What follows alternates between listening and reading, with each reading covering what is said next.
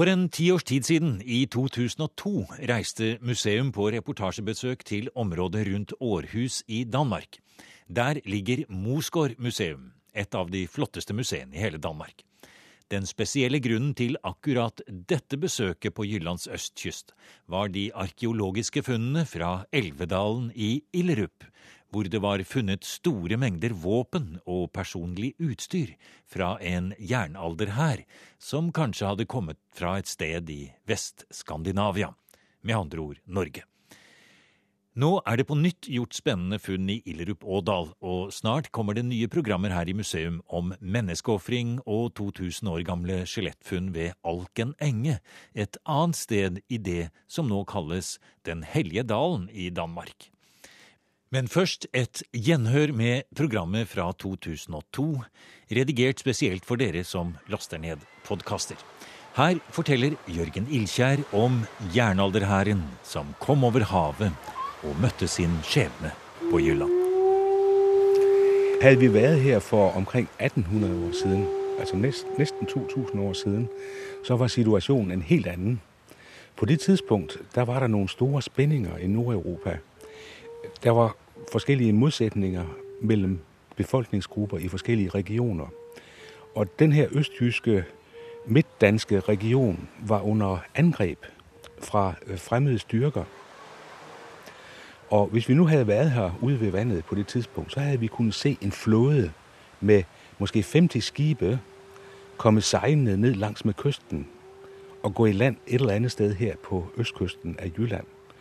Ombord på de 50 skibe, der var der op mod 1000 krigere, fjender, som ville i land her i Østjylland.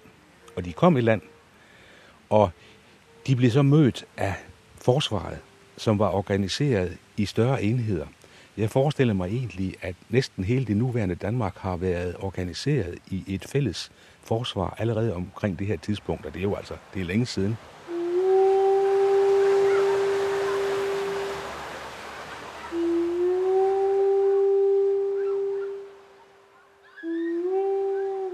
Det er Jørgen Ilkjær som snakker. En av de store navn i Danmarks arkeologi, og mannen som har ledet utgravningene i myrene i Illerupdalen, ikke langt fra Århus og Mosgård museum. Utgravningene har tatt mer enn 30 år og består av mer enn 15 000 gjenstander og en internasjonal publisering i 14 bind. Neste år er serien ferdig, og det lille Kulturhistorisk Forlag i Tønsberg har allerede publisert en norsk utgave av konklusjonene etter Illerup-funnet. Og det er dramatiske konklusjoner på alle måter. Hele vår kunnskap, eller kanskje mangel på kunnskap, om de første århundrene etter Kristi fødsel må skrives på nytt. Mens Romerriket strakk seg opp i nåværende Tyskland og stanset ved Rhinens bredder, var området videre nordover terra incognito, et skremmende territorie fylt med stivnet hav og en sol som aldri gikk ned. Men det kom kjemper derfra, menn som gjorde karriere i den romerske hær, og reiste hjem igjen etter noen år. Hjem til Karmøy og Lofoten, Kjølling og Jæren. En av dem var kanskje konge i Trøndelag. Kanskje han het Vagnio. Kanskje han var rik, skrivekyndig med runer. Kanskje han hadde et stort lager med kassevis av romerske våpen og krigsutrustning?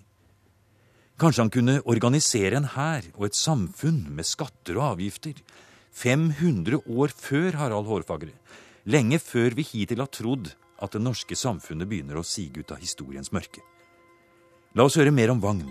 Var det lederen for den enorme hæren som skulle ende sine liv som hodeløse ryttere i disen over myrene ved Skanderborg, og som aldri skulle oppleve at hele deres kostbare våpenutrustninger og alt annet de hadde med seg, kammer, fyrtøy, belter og klær, skulle ofres i religiøse seiersseremonier i Ilderupsjøen og synke til bunns.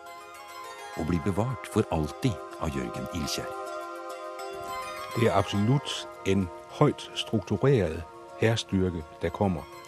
Ut fra det materiale som vi har utgravet, ut fra de 15 000 ting, som vi har hentet opp fra mosen, der kan vi beskrive hæren nærmere, og vi kan se, at der har været en struktur øh, i hæren, en lavdeling, så en social stratifikation kunne man også kalde det med fremmede ord, øh, sådan at vi kan se, at der har været en ledelse i hæren, som har været udsmykket netop som farverige krigere med rødmalede eller blåmalede skjolde, med sølv- og guldbeslag på sværskederne, og øh, i det hele taget udstyret meget rigt. Og det er det, vi kender de, den del af hæren på, og de udgør kun 2 procent af, af hæren der.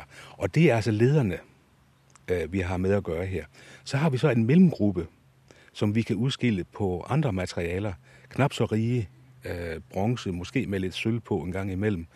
Og det er omkring 10 procent af materialet, som vi kan placere inden for det område. Og resten, det er så den almindelige her. Men de er heller ikke tilfældigt udstyret. Hvis vi kigger på den almindelige soldats våben, så er de meget ensartede.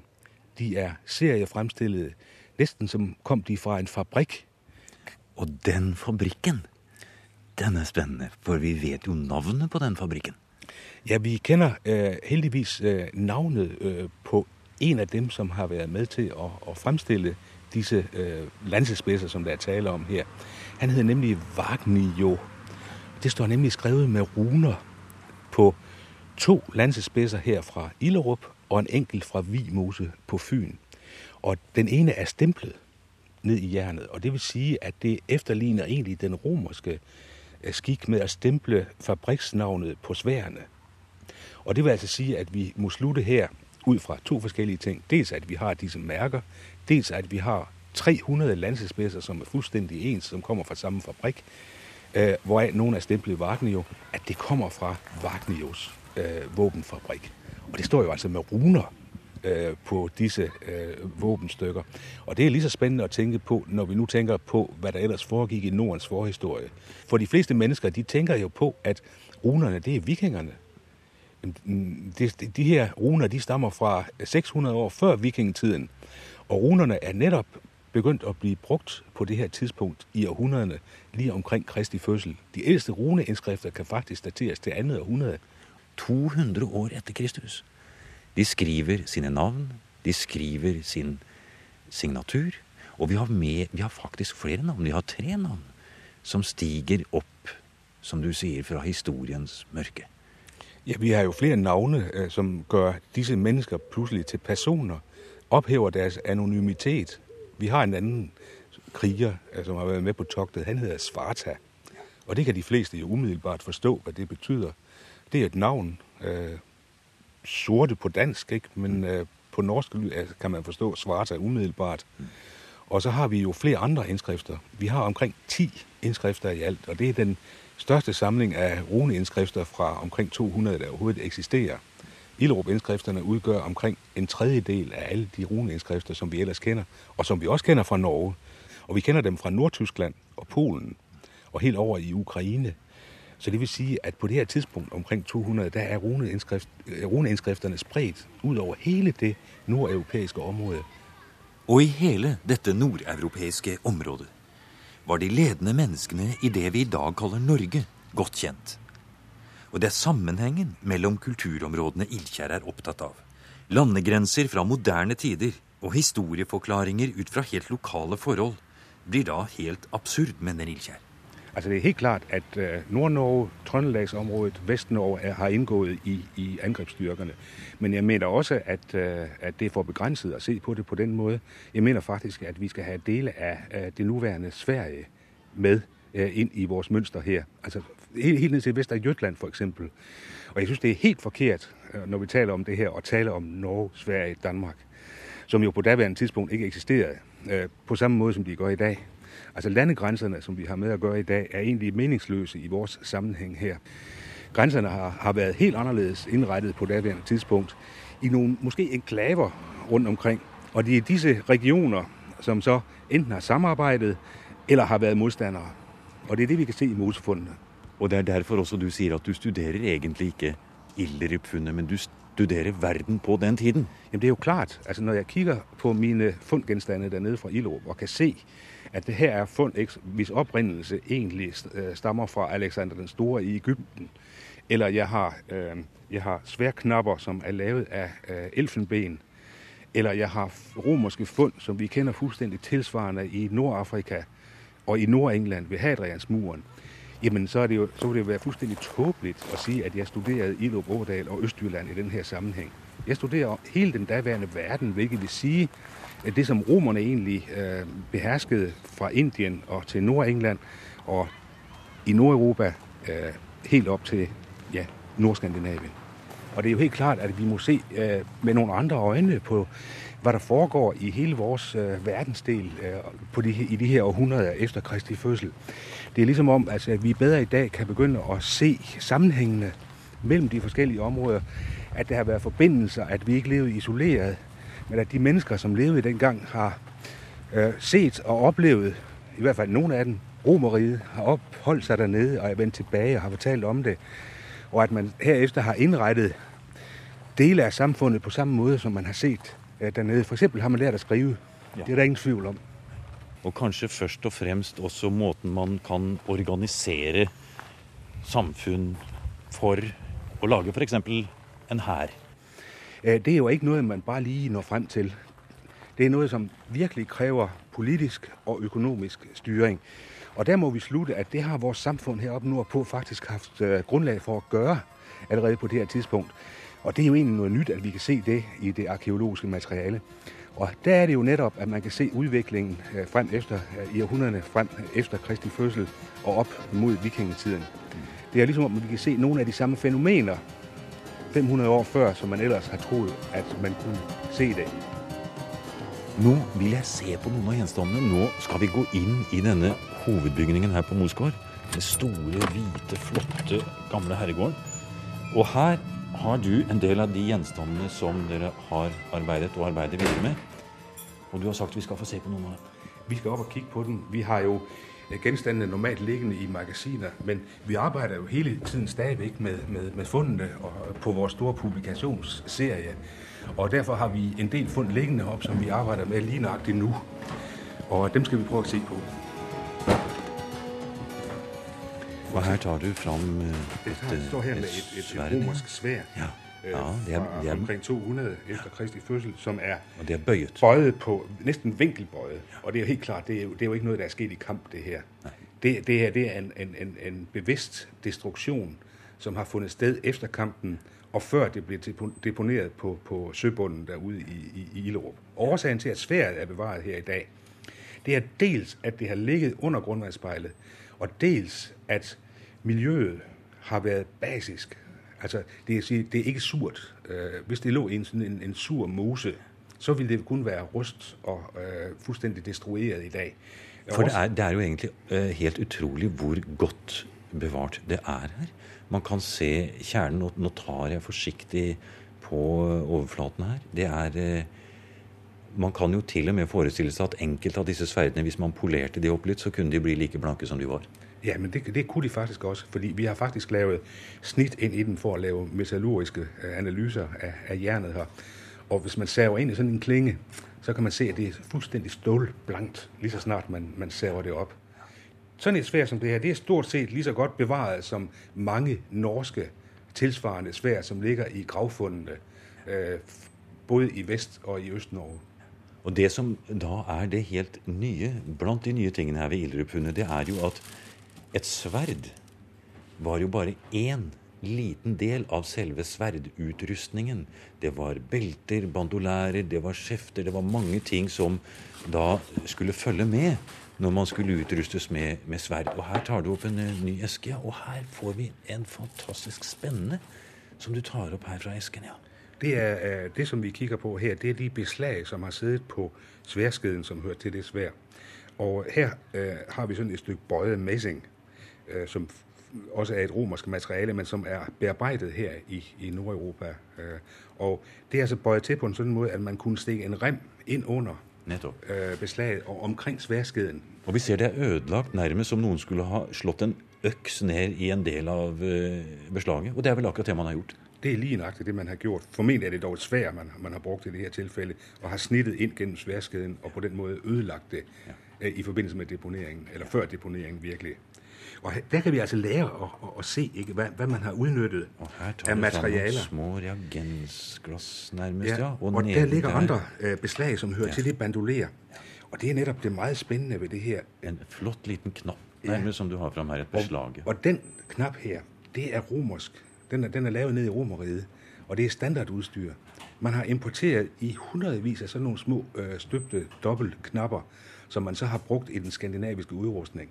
Man må, der må man virkelig forestille sig, at man på Wagnerius øh, arsenal har haft en kasse med romerske dobbeltknapper, som man har brugt til at, at lave sværudstyr til de krigere, som skulle med på togtet. Så er han altså blevet udstyret med øh, sådan noget primitivt romersk øh, materiale. Øhm, og, og det er jo også ganske spændende at tænke på, at man da har, at det har sittet en norsk høvding og haft et stort uh, udvalg av utrustning, som man kunne da sætte op en stor her med. For Romerike havde jo forbud mot utførsel av uh, våpen, og specielt til disse vilde germanerne der oppe i nord. Ja, der eksisterer jo skriftlige forbud. De er altså lidt senere end, end, end det, vi har med at gøre her, hvis vi skal være helt nøjagtige. Øh, men sagen er jo, at når der kommer et forbud, så er det selvfølgelig fordi, der har sket en, en, en overtrædelse af et, øh, et, et, et, eller andet regelsæt. Og da må vi jo formode at uh, Vagn og de andre de har jo hatt gode forbindelser med Romerike. De har hatt handelsforbindelser. De har kanskje selv tjenestegjort i denne romerske hær på et eller annet tidspunkt. Kanskje de til og med har vært offiserer der. Helt klart. Men der skal vi jo igen se på, at det her stykke, som jeg står med, den lille dobbeltknap, det er jo et stykke romersk standardudstyr, som ingenting har kostet. Og det vil altså sige, at romerne har øh, udnyttet nordeuropæerne og har fra os fået det, som de havde brug for ned i Rineområdet for eksempel. Uldtøj. Ja, uldtøj. Uh, hvor de har byttet med, uh, ja, ligesom vi gav perler til afrikanerne og, og andre på ja, tusind år senere eller mere, så har de altså brugt den slags små primitive tricks uh, til at narre uh, det fantastiske de fantastiske skandinaviske produkter ud af, husmøderne her nordpå. Ja. Og så, Det er jo for øvrig i parentes bemærket kanskje en liten forklaring på alle de rike kvinnegravene man finner, i og med at dette var kanskje kvinnearbeid å lage tekstiler, stoffer, tøj.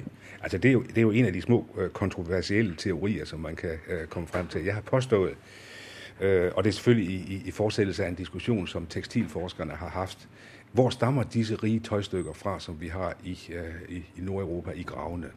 Og de fleste siger, at det er import ned fra Romeriet, for ned i Romeriet, der har man noget tilsvarende. Jeg siger, at det er noget, som vi har øh, fabrikeret heroppe nordpå, fordi vi havde mulighederne for at gøre det. Vi har fundet væveudstyr, vi har fundet tøj i masser af grave rundt omkring, øh, og vi har haft grundlag for at gøre det også i det, vi har haft forerne. Øh, på hver eneste gård i Skandinavien. Sauer som går og beiter ute, ja. som får en speciel uldkvalitet. Lige nøjagtigt, som får faktisk uh, vandtæt uh, uldtøj, uh, har jeg nær sagt. Det skal lige bearbejdes først. Så jeg er ikke i tvivl om, at den økonom- det økonomiske grundlag, som vi har på det her tidspunkt for mange af de ting, som vi har nede fra Romeriet, det er kvinderne, som sidder rundt omkring på gårdene og væver meter efter meter efter meter af godt skandinavisk uldtøj, som man har kunnet afsætte direkte. Der har vi betalingsmidlet. Så kommer altså varene opp her.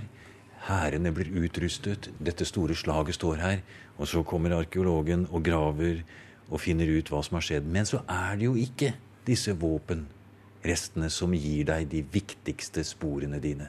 Det er ikke egentlig våpnene som setter deg på sporet for hvor hæren har kommet fra. Det er faktisk helt andre hverdagslige små ting, sånn som en kam.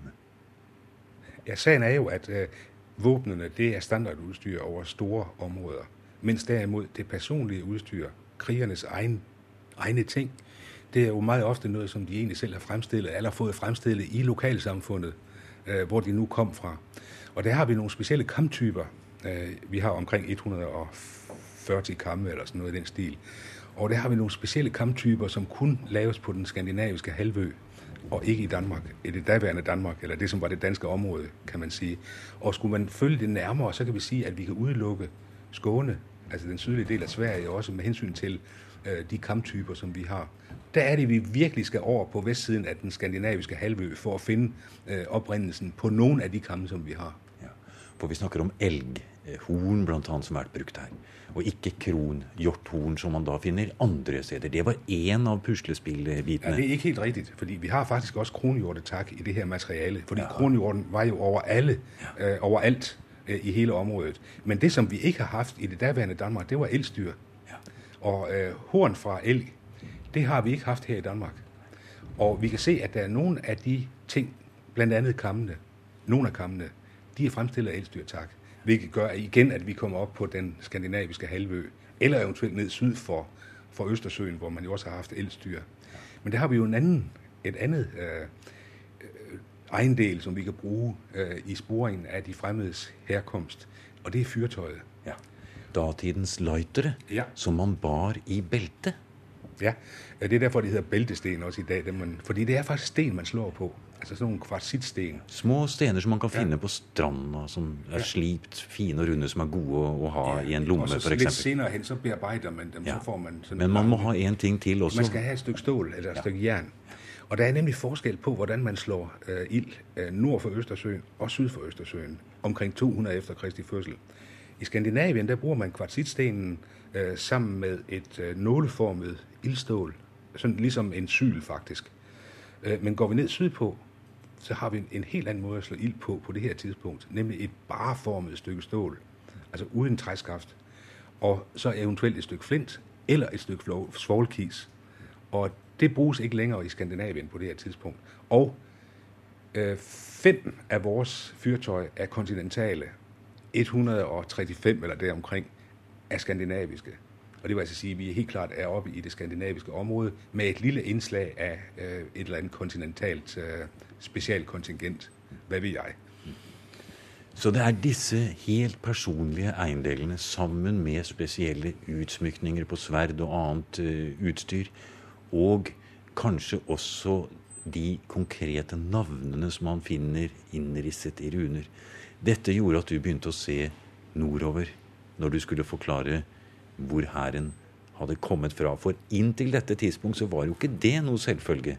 Man antok jo at dette kunne like gjerne være eh, romerske, germanske eh, styrker som hadde kommet oppover, eller løse tropper som levde mellom Romerriket og det danske riket. Og det store spørsmålet er jo hvor sikker er du, Ilkjær, på at de kom nordfra? Ja, altså det er jo et, eh, det er jeg meget sikker på, at det materiale, vi har her, eh, ikke er syd fra, et område syd for Østersøen. 99 procent øh, af det er, er skandinaviske materiale. Det er jeg helt sikker på. Og teorien ikke, den er egentlig ikke ret gammel. Altså den, den stammer fra omkring 1990.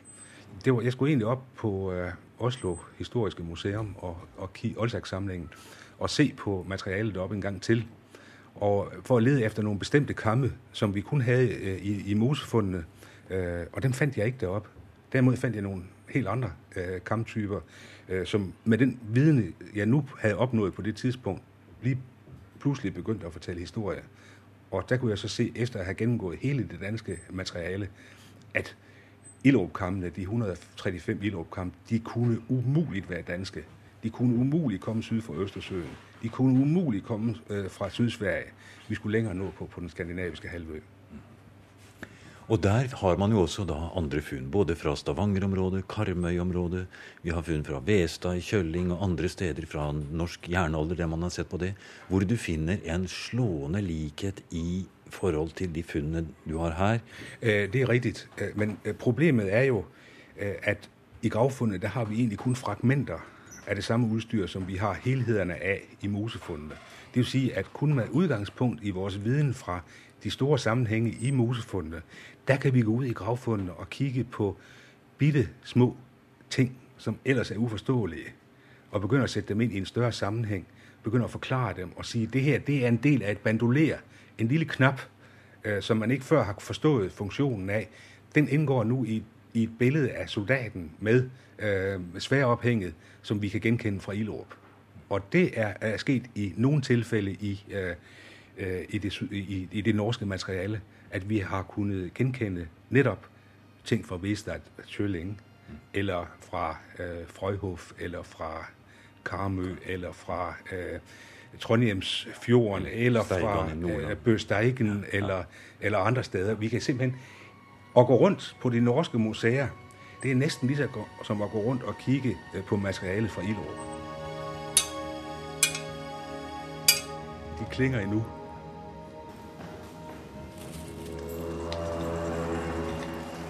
Du har hørt en podcast fra NRK P2.